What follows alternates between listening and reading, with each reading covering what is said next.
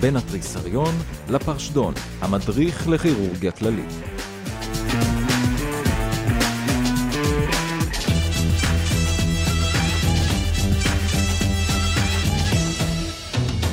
אהלן אהלן, ברוכים הבאים לפרק נוסף של המדריך לכירורגיה כללית.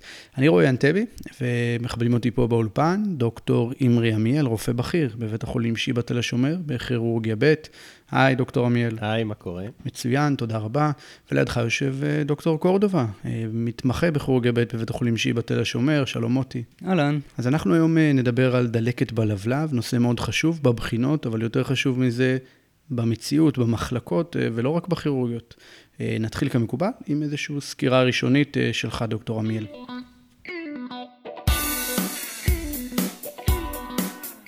כן, חשוב קצת להבין אה, מה זה דלקת בלבלב, כי אנשים ככה מתייחסים לזה פשוט לאיזושהי צורה של כאבים ו... ואיזושהי דלקת אה, לא ברורה, אבל כמו שאנחנו יודעים, זה יכולה להיות מחלה מאוד קשה, ובקצוות אה, של הסטטיסטיקה זה יכול להיות למחלה עם, אה, מורטליטי לא קטן. אז כדי שנבין מה, מה קורה שם, נדבר טיפה על הפתופיזיולוגיה. כעיקרון ישנו איזשהו אינסלט ראשוני. אנחנו נדבר אחרי זה על אטיולוגיות, אבל uh, יש כל מיני, נגיד מחלת אבנים או אלכוהול או איזשהו משהו שגורם לאינסלט בלבלב, ואז ישנו בעצם שפעול של אנזימי לבלב שלא במקומו. מה הכוונה? הלבלב מפריש את האנזימים שלו כפרו-אנזימים, מופרשים למערכת העיכול, ושם עוברים איזשהו תהליך שפעול, עד שבסופו של דבר מגיעים להיות uh, אנזימים פעילים ופועלים על מוצרי המזון שאנחנו אוכלים. ואם השפעול שלהם הוא אינטרה-צינרי, כלומר בתוך הבלוטות, אז uh, הם מתחילים בעצם לפעול על הבלוטות עצמן. מה שמרכיב אותן, על החלבונים והשומנים שמרכיבים אותם, ומתחילים פשוט uh, לפרק את הלבלב. וככה נוצר בתחילה הנזק המקומי. נזק בלבלב יוצר תגובה אינפלמטורית מאוד נרחבת, בעיקר בשומן הרטרו-פריטונלי, ששם נמצא הלבלב. ובעצם מתחיל אה, במקרים הקשים תהליך של נמק. איך זה קורה?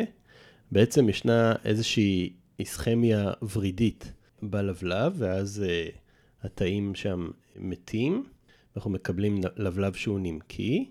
השפעול נמשך גם מסביב ללבלב בשומן הרטרו-פריטונלי, ובעצם נוצרת איזושהי תגובה של ספוניפיקציה, של deposits של אה, קלציום על השומן המפורק ברטרופריטונאום. השומן הזה נמס, ואז אנחנו גם נחשפים לאיברים שבעצם אה, מקבלים את אספקת הדם שלהם מהרטרופריטונאום, שזה בעיקר צינור העיכול והמזו שלו.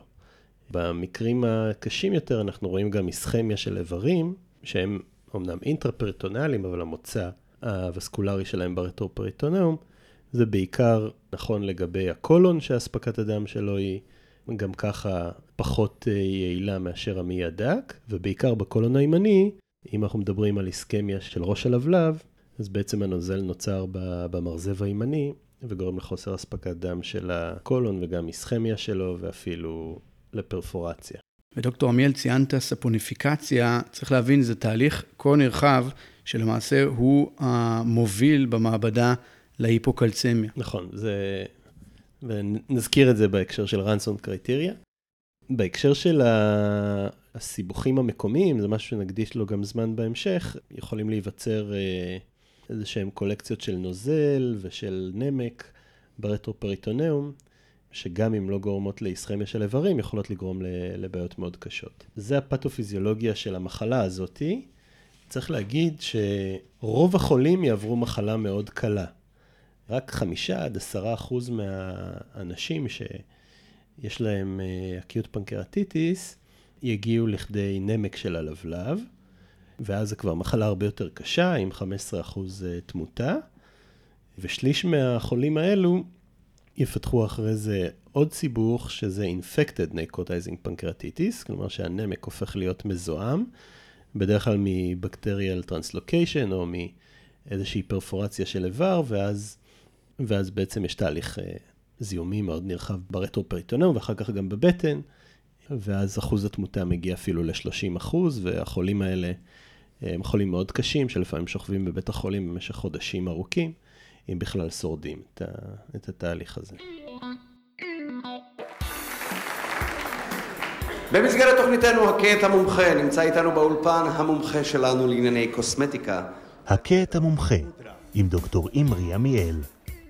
אז שוב אנחנו במיון, אז אנחנו יושבים, מגיע אלינו חולה בן 29, בסך הכל בריא, הוא מתאר כאבי בטן אפיגסטרים שמקרינים לגב, כאבים הם חגורתיים, והקאות מזה כיממה. השאלה הראשונה שואלים אותנו, אילו פרטים אננסטיים נוספים דרושים על מנת שנוכל לקבוע מה ההבחנה הזאת, שהחולה הזה מתייצג איתה. אוקיי, okay, אז אנחנו, אנחנו יוצאים מתוך נקודת הנחה שבאמת החולה מציג אה, תלונות אה, קלאסיות של דלקת בלבלב, שזה הכאבים האפיגסטריים שקורנים אחורנית כחגורה, לגב, ואז צריך לשאול שאלות שבעצם מכוונות לאטיולוגיה של דלקת בלבלב, ויש רבות שכאלה. יש גם את ה mnemonic המפורסם, I get smashed. שאתם תמיד יכולים להסתכל עליו ולזכור אותו. אתה לא מכיר I get smashed, דוקטור אנטבי? נשמע כמו סיכום של התורנות האחרונה שלי. אוקיי, okay, אז את, את ה mnemonic של ה-get smashed אפשר למצוא בגוגל בכל אתר, אני ממליץ על Radiopaedia, זה מאוד מסודר שם. אז I זה אידיופטיק, G זה גולדסטון, E זה אתנול, אלכוהול, T טראומה, S שימוש בסטרואידים, M ממפס או מליגננסי, A אוטואימיון, S סקורפיון, ואני מפנה אתכם לבר, לברר באיזה הקרב מדובר. כן, כן, זה, זה מעניין הקרב הזה. H זה היפרליפידמיה, או היפרפרתיירואידיזם, או היפרקלצמיה. E, ERCP, D, דרגס, טטרציקלינים, אזטריופין, תיאזידים וכן הלאה. אז זה ככה סוגר לנו, כמובן שיש עוד איטיולוגיות, אבל זה סוגר לנו את זה די יפה. עכשיו, משהו לגבי אופי הכאב בפנקרטיטיס, דוקטור עמיאל, יש זה כאב שהוא, יש לו מאפיינים די, אה, די נחמדים, כי הלבלב הוא איבר רטרופריטונאלי, וזה כאב, זה נחמד לשאול את זה את המטופלים, זה כאב שדווקא מתגבר בשכיבה ומוקל בישיבה, כי ברגע שאנחנו שוכבים אז כל המשקל של איברי הבטן יושב על הלבלב ברטרופריטונאום, ברגע שיושבים, הכאב מוקל, כי קצת המשקל יורד מהלבלב. נכון, אפשר לראות את החולים האלה יושבים בתנוחת tripod, אנחנו קוראים לזה. הם יושבים על קצה המיטה, עם הידיים אוחזות בקצות המיטה, והם שעונים קדימה, אה, מזכיר tripod נכון. של מצלמה. אז, אז זה מצוין, מה שאמרת, אה, דוקטור קורדובה, זה נפלא, זה חסך לי עכשיו פה הרצאה מאוד מאוד ארוכה, אז אה, תודה לך על ה mnemonics האלה. בשמחה, בשביל זה אני פה. כאמור, מדובר בבחור בן 29, צעיר ובריא. זה כבר מוריד לנו הרבה הרבה מהאטיולוגיות, עדיין צריך לשאול שאלות אה, מכוונות, כלומר, האם היה אי פעם כאבים ביליאריים, האם הוא יודע על, על אה, אבני אה, מרה, האם הוא לוקח תרופות מסוימות, האם הוא היה חולה באיזושהי מחלה, או נחשף לאי אלו מהדברים הסביבתיים שדיברנו עליהם, וכמובן, נושא האלכוהול, צריך להזכיר, לא מדובר באיזה אלכוהוליסט אה, כרוני, אלא מדובר על בינג' של אלכוהול מאוד רציני, לא בירה אחת, אלא מישהו שתה לשוכרה באופן רציני, והכאב מתחיל מיד למח... לאחר מכן, לא שבועיים אחרי השתייה. בישראל, משהו כמו 90% מהמקרים יהיו בסופו של דבר גולד בלדר סטונס, כי זה הדבר השכיח במדינתנו החמה. והסאחית, אה, שלא מרבים בשתייה, אבל אה, בעולם הגדול כמובן שאלכוהול הוא הגורם מספר אחת לפנקרטיטיס. והקרבים, אל תשכח הקרבים. טוב, אז שאלנו את המטופל שלנו את כל השאלות, הוא משיב בשלילה להכל, לא, אין לו היסטוריה ביליארית, הוא לא שתה, לא צריך אלכוהול בזמן האחרון, לא עבר שום התערבויות בדרכי המרה, לא נוטל תרופות בכלל. טוב, אז השלב הבא, אנחנו פונים לבדיקה גופנית. מה, הממצאים הרווחים ב mild pancreatitis, דוקטור עמיאל? בעצם מה שאנחנו מצפים לראות זה איזושהי רגישות, אה, שהיא בדרך כלל ממוקמת לאזור האפיגסטרי. צריך מאוד לשים דגש למצב הכללי של המטופל, כי החולים האלה יכולים להיות בתהליך דלקתי מאוד סוער, עם אה, אה, מדדים מאוד חריגים מבחינת הטכיקרדיה, החום וכולי. שוב, דגש על הבדיקה הגופנית של הבטן, גם במטרה to keep in mind שיכולים כבר להיות סיבוכים מקומיים ואפילו סיבוכים סיסטמיים. אילוס של המעי אה, זה משהו מאוד שגרתי בדלקת לבלב קשה, אבל גם אה, צריך לחשוב על פרפורציות של איברים וכולי. אוקיי, okay, אז אנחנו בודקים את המטופל שלנו מבחינת uh, מדדים חיוניים, הוא טכיקרדי 110, לחץ דם 130 על 80, טמפרטורה 37 וחצי, בטן שלו היא תפוחה, יש רגישות ניכרת באפיגסטריום. מה ההבחנה המבדלת שלנו בשלב הזה. כל מישהו עם כאבים בטן עליונה צריך גם כמובן אה, ללכת לכיוונים של אה, gastritis, של cholecystitis, צריך לחשוב גם על אה, דברים שהם אנגינוטיים, מבית החזה, אפילו אה, pneumonia, לפתוח DD רחב על כאבי בטן עליונה, אבל להישאר אה, עם הדגש על אה, pancreatitis, בעיקר בחולה הזה. טוב, אז אנחנו נציין עכשיו רק שני ממצאים במשפט ונרחיב עליהם אחר כך, שזה הגריי טרנר וקולנסיין, שמאפיינים פנקרטיטיס המורגית, אבל נדבר עליהם בהרחבה אחר כך. עכשיו אנחנו פונים לבדיקות המעבדה. Mm-hmm. מעבדה אין ככה, יש לו המוגלובין של 10, לויקוציטוזי של 15,000, היפוקלצמיה של 7, המילה זה 2,000, ליפז 1,700. ועכשיו מבקשים שנסביר בעצם את הקשר בין ממצאי המעבדה, הפתולוגיה שהחולה מציג. או, oh, זה נפלא, כי יש פה נקודה מאוד חשובה. מאוד קל להגיע להבחנה של פנקרטיטיס. בעצם כל מה שאנחנו צריכים זה שתיים מתוך שלושה פרמטרים, שזה הקליניקה, שהחולה מציג אותה, הבדיקות מעבדה, שגם כאן הן חיוביות, עם אמילז אה, וליפז שהן מעל לפי שלוש מהנורמה, שהוא סביב המאה פחות או יותר, אז אם הוא עם אלפיים זה כבר די ברור, ואו הבחנה הדמייתית.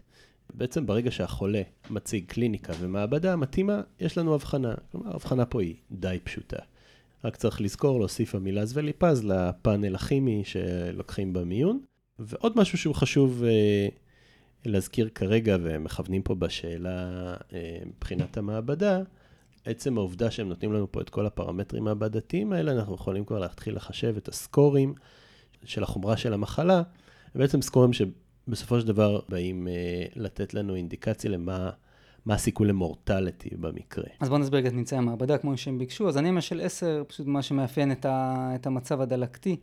15,000 לויקוציטים, גם תגובה אינפלמטורית. ההיפוקלצמיה של 7, כמו שדוקטור אנטבי הזכיר, אה, יש פה פשוט ספוניפיקציה, שקיעה, אם אתם זוכרים מהלימודים, שקיעה דיספלסטית, שקיעה מטסטטית של סידן, זו שקיעה מטסטטית של סידן, ואגב גם יכול לעשות קלציה לזרחן, אז גם תהיה קצת היפופוספטמיה, והמילז וליפז מוגברים. עכשיו, שני דברים שיש להגיד על מילז וליפז. דבר ראשון, הם צריך לזכור שהם אבחנתיים, הם לא פרוגנוסטיים. כלומר, אם יש המילז וליפז של 2,000 או המילז וליפז של 3,000, זה לא, לא מעיד על החומרה. בנוסף, המילז הוא לא ספציפי ללבלב. המילז וליפז שניהם עולים בערך תוך 6 עד 10 שעות, מה שכן, ליפז לוקח לו 5-6 ימים להתנרמל, ולמילז לוקח 24-30 שעות להתנרמל. כלומר, בן אדם שעם קליניקה של כמה ימים, יכול להיות שהמילז שלו יהיה תקין, אבל ליפז עדיין יהיה מוגבר. גם זה צריך לקחת בחשבון. נכון, וגם מעבר ללקיחה שלהם במעמד ההבחנה, אין שום טעם לחזור אליהם. כלומר, גם אם נראה טרנד של ירידה באנזימי הלבלב, זה לא אומר שום דבר על ההחלמה של החולה. אחרי האינסולט הראשוני, התגובה הדלקתית יכולה להיות מאוד מאוד חריפה, גם אם האנזימי הלבלב מתנרמלים אה, יום למחרת. יש להם משמעות רק בנקודת האבחון ורק לצורך ההבחנה. הייתי גם אה, מוסיף משפט קצר על המעבדה. אה, אני חושב ששווה לבקש גם אנזימי כבד, אלבומין, שמשמש אותנו לתקנון רמות הקלציום, ופרופיל שומנים. נכון, וגם הייתי אפילו מוסיף uh, CRP, uh, לא ספק השאלה הזאת היא ישנה, CRP הוא, הוא מדד טוב לעוצמת הדלקת, uh, אנחנו רואים אותו עולה בימים הראשונים אחרי תחילת הדלקת. Uh, חולה שמגיע כמה ימים אחרי תחילת הכאבים, נוכל uh, להעריך בעזרת ה-CRP את, uh, את מידת הדלקת שמתחוללת בגוף. מה לגבי uh, בדיקות נוספות? יש נזק לקחת אולי דם לסוג או קרישה? הווה, קרישה, למקרה שאנחנו נתקדם להתערבות? כן, לא יודע אם באופן המיידי, אבל uh, יכול להיות שהוא יצטרך דם, יכול להיות שהוא יצטרך פעולות uh, פולשניות, אז uh, שווה לקחת את הדברים האלה. טוב, עכשיו הגענו לנושא שאני יודע שדוקטור עמיאל מאוד אוהב, שזה severity criteria, ופה יש לנו כמה, שהמפורסם ביניהם הוא רנסון, הוא על... קרוי על שמו של איזה מנתח לבלב אמריקאי אי שם בשנות ה-70. בוא נדבר על זה, דוקטור עמיאל, מה, מה המשמעות? האם אנחנו באמת, אתה יושב במיון ומחשב רנסון? אז אני חושב שזה בעיקר אה, נועד לצורך אה, סקרנות אה, מדעית. אה, אני לא חושב שיש לזה הרבה פרקטיקה. אנחנו כמובן יכולים להעריך את, ה, את חומרת מצבו של החולה על ידי המדדים שלו ועל ידי אה, מידת הכאבים ואולי ההדמיה, אבל מדובר בסקור אה, פשוט, שאפשר לעשות אותו די בקלות הוא נותן לנו אינדיקציה די טובה לגבי ה-severity. צריך להגיד שהוא כבר די מיושן, יש היום סקורים uh, יותר חדשים, יש את הגלסגו סקור, יש את הפאצ'י סקור, שפאצ'י הוא סקור כזה שמשתמשים בעיקר בטיפול נמרץ, הוא לא ספציפי לפנקרטיטיס, אלא לחולים קשים באשר הם. ועדיין הרנסון הוא כלי טוב ופשוט, ובעיקר אוהבים לשאול uh, סטודנטים לגביו. אז uh, צריך לדעת לצטט את הסקור הזה, שהוא מורכב בעצם אך ורק מבדיקות מעבדה. Uh, זה בגלל זה הוא מאוד קל. בעצם uh, לוקחים 11 פרמטרים, חמישה בקבלה, ועוד שישה 48 שעות אחרי הקבלה, ומחשבים. כשכעיקרון יש סקור לאלכוהול ויש סקור לגולדסטונס, והפרמטרים שבודקים הם הגיל, הם הספירה הלבנה, ה-LDH, AST, הגלוקוז כמדד לספסיס, ואחרי 48 שעות מודדים את ההמוגלובין או את הירידה בהמטוקריט, את ה-BUN, את הקלציום, את הפרקציה של החמצן בדם, את ה-PaO2, את ה-base deficit בגזים ואת ה-fluid sequestration, את כמות הנוזלים שהחולה הזה היה צריך לקבל כדי לשמור על לחץ דם תקין. צריך להגיד שכמו שמורנו ורבנו מפיץ הפרופגנדה לאימפריאליסטים, דוקטור יוד קליין, אבל להגיד שתוכלו להסתכל על המטופל ורק, בש... כמו שדוקטור עמיאל גם ציין, רק מלהסתכל עליו ולשאול את השאלות, יכולים להבין מה החומרה, איך הוא נראה, כמה כואב לו, מה המדדים, האם יש, הוא, הוא נותן שתן טוב, יש סימנים לאי ספיקה לבלבית, הוא משלשל, הוא מקיא, דברים כאלה, כאילו, אתם לא, לא באמת חייבים לשבת ולחשב. אפשר מהסתכלות וכמה שאלות להבין מה, מה מצב החולה. אבל כמו שדוקטור עמיאל אמר, זה קריטריונים חשובים, בטח למבחנים. טריק נחמד שלימדה אותי דוקטור יעל דרזניק, כירורגית ילדים בבית החולים שניידר, כשהייתה עוד מתמחה בכירורגיה כללית בבית החולים שיבא תל השומר. תזכרו את ראשי התיבות גלגלצ עבור Ranson criteria בהתייצגות. יש לנו למעשה את הגיל ועוד ארבעה מדדי מעבדה. גלגלצ. שזה ג' גיל, ל' לויקוציטוזיס, ג' גלוקוז, L ל-LDH, והצדיק זה ה-AST. זה התרומה של דוקטור דרזניק.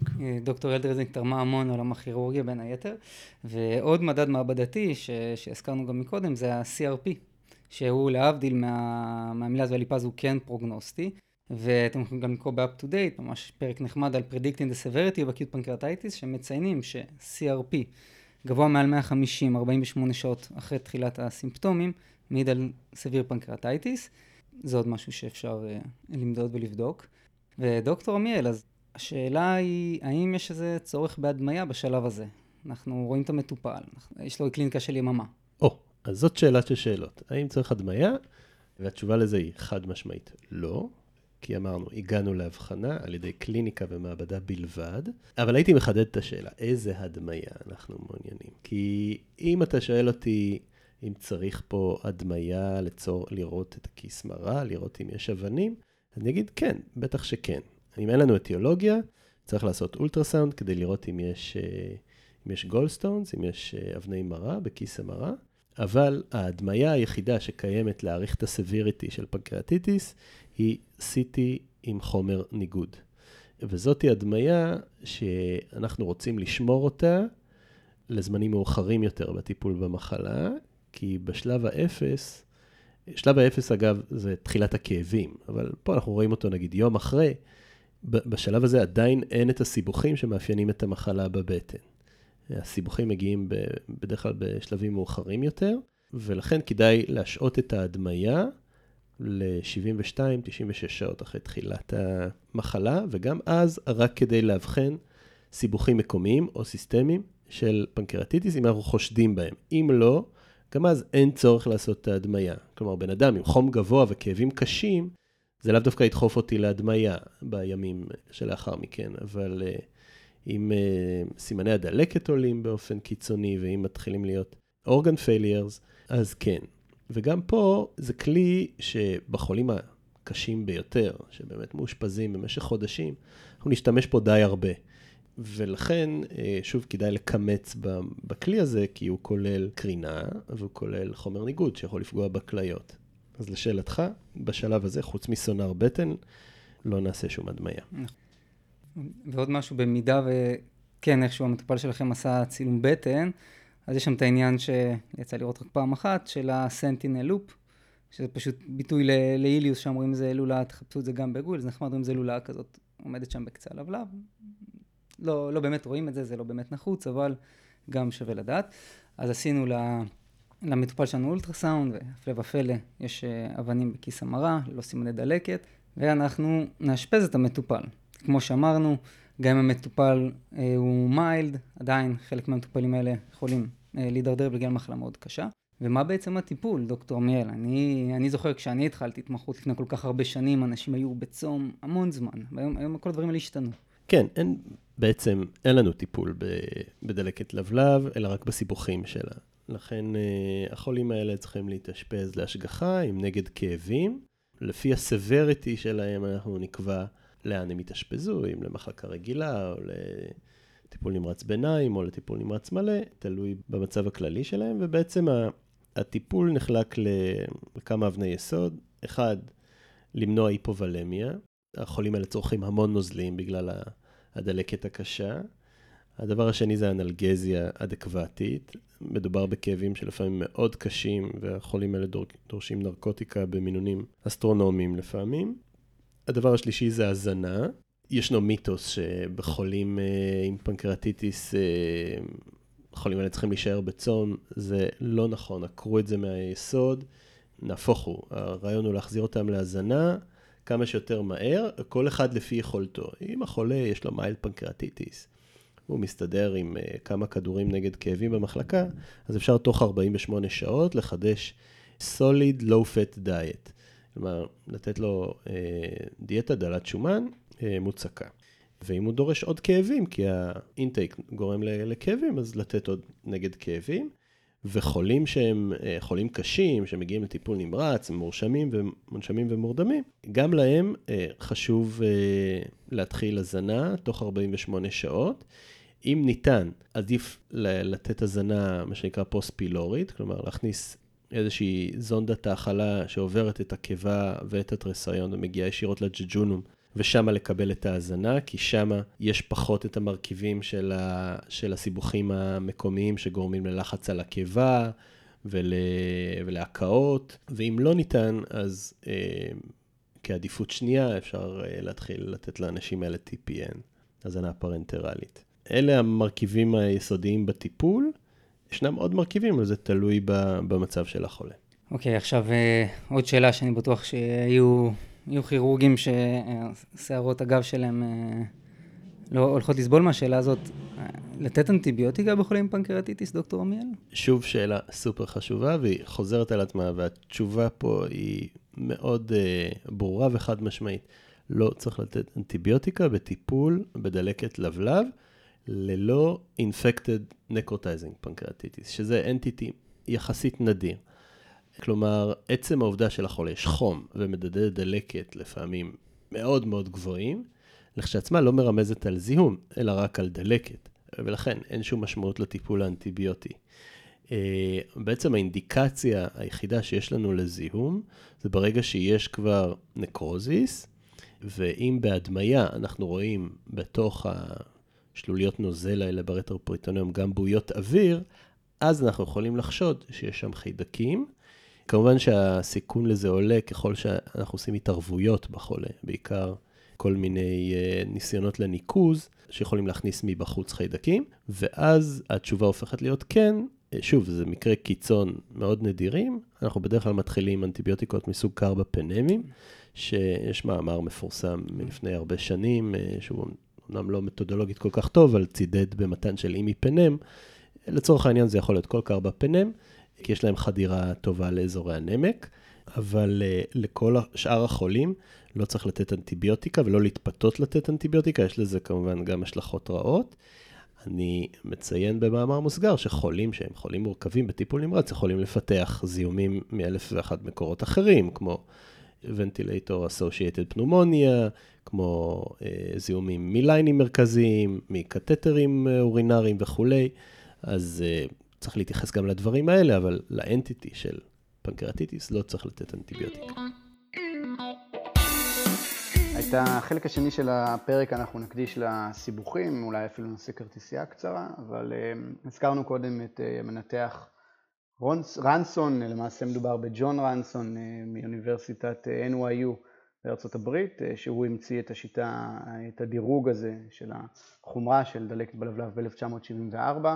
הוא אגב נפטר בגיל צעיר, בגיל 57 ממיאלומה. בהמשך, אם תישארו איתנו עד סוף הפרק, נספר לכם על ה...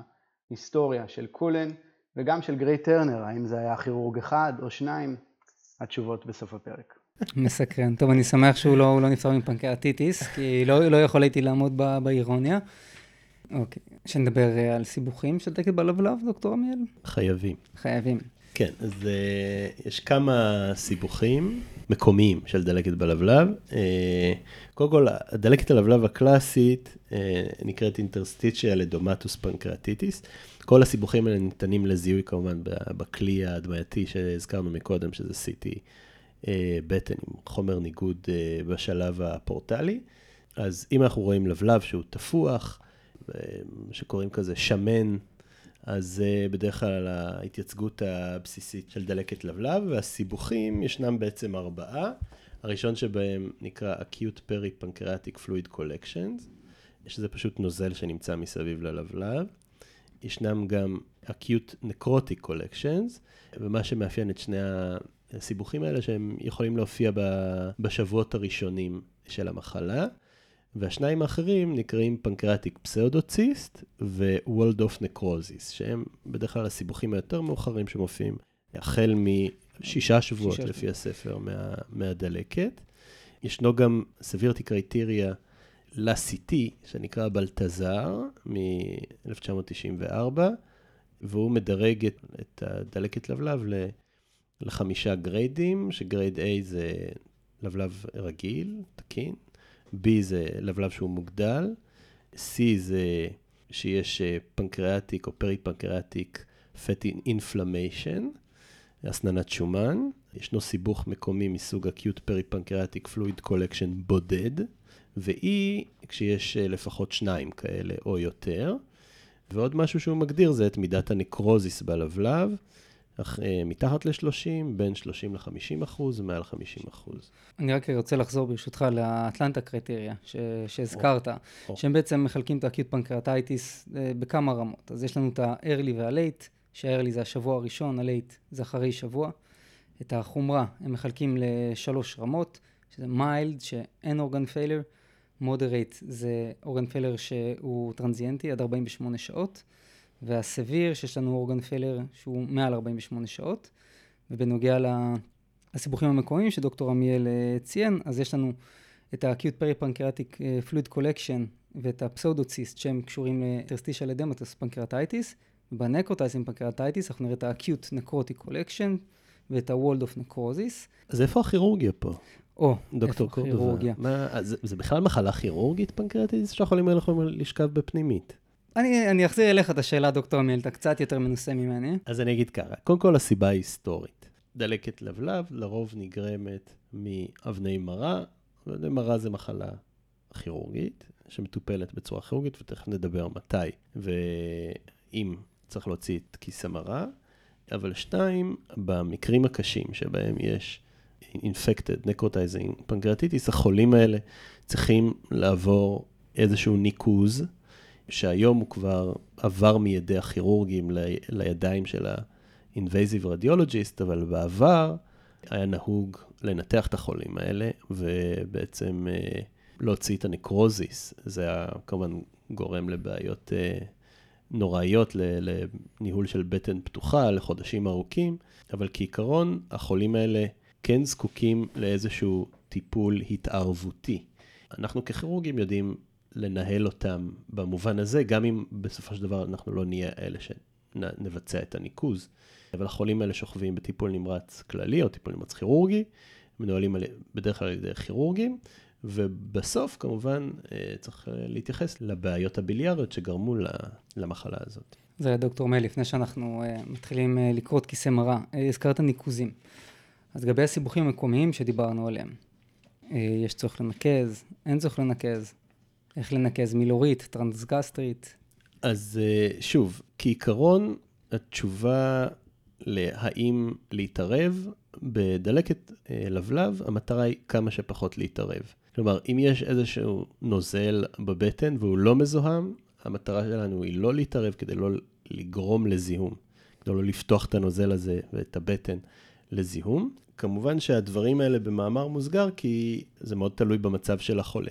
אם החולה מידרדר, אז אנחנו כן צריכים להתערב, ואם החולה הוא כבר במצב קשה, אז בעצם כל new onset של organ failure או הידרדרות נוספת במצבו, עלייה בכמות האמינים, החמרה בהנשמה, תחייב אותנו להתערב.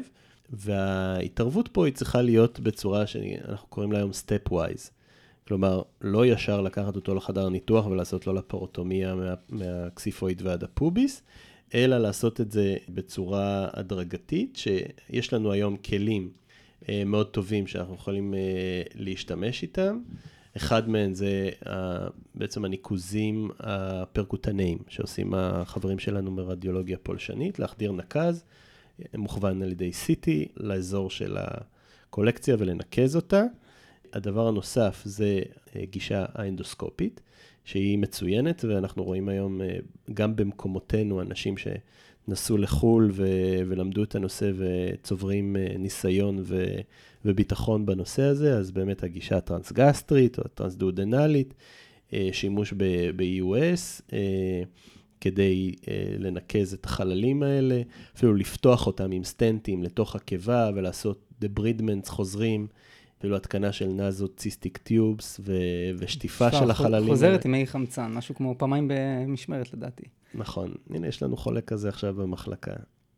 עוד משהו שבעצם מתווסף בשנים האחרונות, זה ה-Video Assisted Retroperitoneal Debridement, זה בעצם להשתמש בכלים על הפרוסקופים שלנו, אבל לקחת אותם מגישה הפוכה לגמרי ולהביא אותם בעצם מהמותן או מהגב אל הרטרופריטונאום. כי אם יש דבר שאנחנו לא רוצים לעשות, זה לערבב את הרטרופריטונאום החולה והנוזלי והמזוהם של החולה עם חלל הבטן, שלאורך כל הזמן הזה הוא נשאר תקין. אז uh, אפשר לעשות את זה על, על גבי נקז, אבל יש גם אנשים שיודעים לעשות את זה straight forward ולהיכנס דרך המותן אל הרטרופריטונם ולנקז את זה ולהשתמש בכלים לפרוסקופים כדי לנקות שם. אז אה, דוקטור עמיאל, בוא, היה לנו פרק אה, ארוך ומעניין ועמוס. בוא תסכם לנו ככה, מה שנקרא, אה, הודעה לקחת הביתה. אז אם יש take home message לגבי פנקרטיס, אחד זה לגבי ההבחנה, שהיא מאוד פשוטה ולא, ודורשת רק שניים מתוך שלושה קריטריונים. אין צורך בהדמיה בזמן, ה... לרוב, בזמן ההבחנה, ואת ההדמיה צריך לקמץ בה ולשמור אותה להמשך. פנקרטיטיס יכולה להיות מחלה קלה ברוב המקרים, אבל גם מאוד מאוד קשה. בשביל זה יש לנו את, את ה-severity scores, כדי לקבל איזושהי תמונה לגבי מי החולים שעלולים להידרדר, והחולים הקשים האלה צריך uh, בעצם לנקוט באיזה step, step up uh, approach מבחינת ההתערבות שלנו, הניקוזית, uh, ולנסות לקמץ גם פה כמה שיותר. Well, here's their 34. שטח אש, שאלות מחדר ניתוח. זה דוקטור אנטבי. התגעגעתי לשטח אש. יא חביבי, אז, אה, אז אני אתחיל, אני אתחיל. שוט. אה, מה האטיולוגיות הנפוצות לפנקרטיטיס בישראל? מחלת אבנים ביליארית. ובארצות הברית, אם אתה כבר שם? אלכוהוליזם, אתיליזם. כמו שאמר אה, דוקטור עמיאל, יותר binge drinking משתייה כרונית. אוקיי, קורדובה, יש לך מטופל שמתייצג עם ה... למעשה הסימנים הקלאסיים, כאב בטן, מקרין לגב, כאב אפיקסטרי, ואתה באנמנזה יפה עולה על זה שהוא חזר מטיול לאחרונה בטרינידד, שם הוא גם מספר על שינה בשטח. אוי ואבוי, הוא, הוא נעקץ על ידי עקרב שם בטרינידד? כן, עכשיו, זו שאלה טריוויה קלאסית, ומה שמדהים בה זה שאני לא יודע, וגם לא זכור לי שראיתי איפשהו מה הטיפול, אם ישנו ספציפי, לעקיצת הקרב הזו. ולפנקרטיטיס אה, שנלווית לה. את הטיפול בעקיצת הקרב למדתי רק מהפרקים של מגייבר, אז אני לא... אה, אה, מטופל שנוטל פיברטים, כמו מים, ויש לו קסנטלזמות בעיניים. כל הסימנים מכווינים להבחנה של היפרליפידמיה, בדגש על טריגליצרידמיה. רגע, מה הטיפול? מה הטיפול בהיפרטריגליצרידמיה? הטיפול הוא פלזמה פרזיס. זה התערבות, וואי. קורדובה, בחזרה אליך. מטופל עם פנקרטיטיס שלא קיבל חיסוני ילדות, על מה אתה חושב? חזרת, כמובן שחזרת. עוד משהו מעניין, שאנחנו גם נתקלים במקומותינו, בעיקר אה, באוכלוסייה היהודית, באנשים צעירים, עוד אטיולוגיה שיכולה להיות שצריך לשלול אותה, שלא מופיעה בנומוניקס. מחלה גנטית מפורסמת, זה... אה, CF, נכון. ציסטיק פיברוזיס. נכון, נכון. בדרך כלל זה בחולים שיש להם איזשהו... לא התייצגות קלאסית, הם קצת attenuated כאלה, ובעצם אין להם את ההתייצגות הריאתית, אה, אבל אה, כן, זה כמו שזה פוגע בכלור צ'אנלס בריאה, זה גם פוגע בלבלב, אה, וגורם בעצם לנוזל שמופרש להיות סמיך יותר ולהיתקע ולגרום לדלק. אבל קורדובה, מה, איזה רצפטור פגוע ב-CF? ה-CFTR דלתא 504. לא, לא, לא ראית את זה בה, לא ראית את זה בה, ידידי. רגע, חכה, חכה, אבל איזה סוג רצפטור זה? חוצה ממברנה, בצד אחד שלה? הוא, הוא טרנס-ממברנלי, הוא, הוא, הוא, לא, הוא GCPR, לא? הוא GCPR. אני לא יודע אם רואים את זה בלפרוסקופיה, אבל רגע, בוא, אה, לא, דוקטור אנטבי, בוא נחזור. אני פתחתי פה איזה ברי אניוריזם בזה. אז דוקטור אנטבי, הנה, אני אחזיר לך ברנסון קריטריה. אילו מהשניים מדאיג אותנו, אם הוא מעל 250, אבל מתחת ל-350. אז חשוב אה, לזכור שה-AST, אה, אם הוא מגיע מרמה מעל 250, למעשה זה כבר מדאיג אותנו, לעומת ה-LDH, שרק מרמה מעל 350 זה לא אבנורמלי. ודיברנו על זה בפרק, קורדובה, למה יש היפוקלצמיה בפנקרטיטיס? ספוניפיקציה, שקיעה של סידן, ושוב גם זרחן לפעמים. אז איזה סיבוך של פנקרטיטיס מערב את הטחול? צריך אה, להכווין אותנו ל-splenic vein thrombosis, במיוחד אם יש דליות בקיבה. ועכשיו יש לי, כי, כי אתה הבטחת, דוקטור אנטבי, אה, סקירה, אה, סקירה ספרותית והיסטורית. Cullen sign, Grey Turner sign, Fox sign, מה, מתי רואים אותם? אז אני אתחיל ב... ב קודם כל אנחנו מדברים על אה, פנקרטיטיס המורגי, יש אה, דימום לפרנכימה הרטרופריטוניאלית, ואז אנחנו רואים את הדיסקולורציה, את הכימוזות האלו שציינת. אמ, דוקטור קורדובה, יש לך שיטה טובה לזכור איזה מהם פרי-אומביליקלי ואיזה זה באזור המותניים? בוודאי, ה-C של ה-Cullen הוא פשוט, הוא מקיף את הטבור. זה... מעולה, פשוט... מעולה, וטרנר, יש שיגידו turn, אתה מסתובב לאזור ה... המותן שלך, וככה אתה צריך לזכור שזה אה, במעשה בשני הצדדים. אבל, אבל איך תזכור את פוקס? אני רוצה לשמוע. פוקס זה משהו שמצאנו בספרות, אני, אני, אני לא יודע אם זה בכלל אה, קיים ב, במודה של הכירורגים בימינו, אבל בגדול זה אותה אידיאולוגיה של אה, פנקרטיטיס המורגי, רק שהכימוזות הן באזור האינגווינה ליגמנט. וכמו שהבטחנו, דוקטור קולן, שהיה גניקולוג קנדי, הוא זה שטבע את המונח קולנסיין, וגריי טרנר, התשובה היא, זה שם אחד של מנתח אחד, מנתח אנגלי מניוקאסל, אה, שגם טבע את המונח אה, של האחימוזות במותניים. מה שנחמד אצלו זה שהוא הפך להיות מפורסם אחרי מלחמת העולם השנייה, כי הוא נחשב לבין האנשים הראשונים שביצע ניתוח בניסיון להוציא קליע מלב של חייל בריטי. יש לציין שהקליע מעולם לא הוסר מהלב, אבל הניתוח הזה הציל את חייו, וזה אה, מתוך מאמר ב-World Journal of Surgery. לא הבנתי את הפתופיזיולוגיה של הניתוח, אבל uh, הניתוח הצליח. מסתבר שגם גריי טרנר לא הבין, אבל, uh, אבל בסדר, טוב. האיש, uh... חי, האיש חי עם קליע בלב, והניתוח הצליח. טוב, דוקטור אנטבי, תודה רבה. דוקטור קורדווה, דוקטור מיאל, תודה רבה, ניפגש בפרק הבא. יאללה ביי.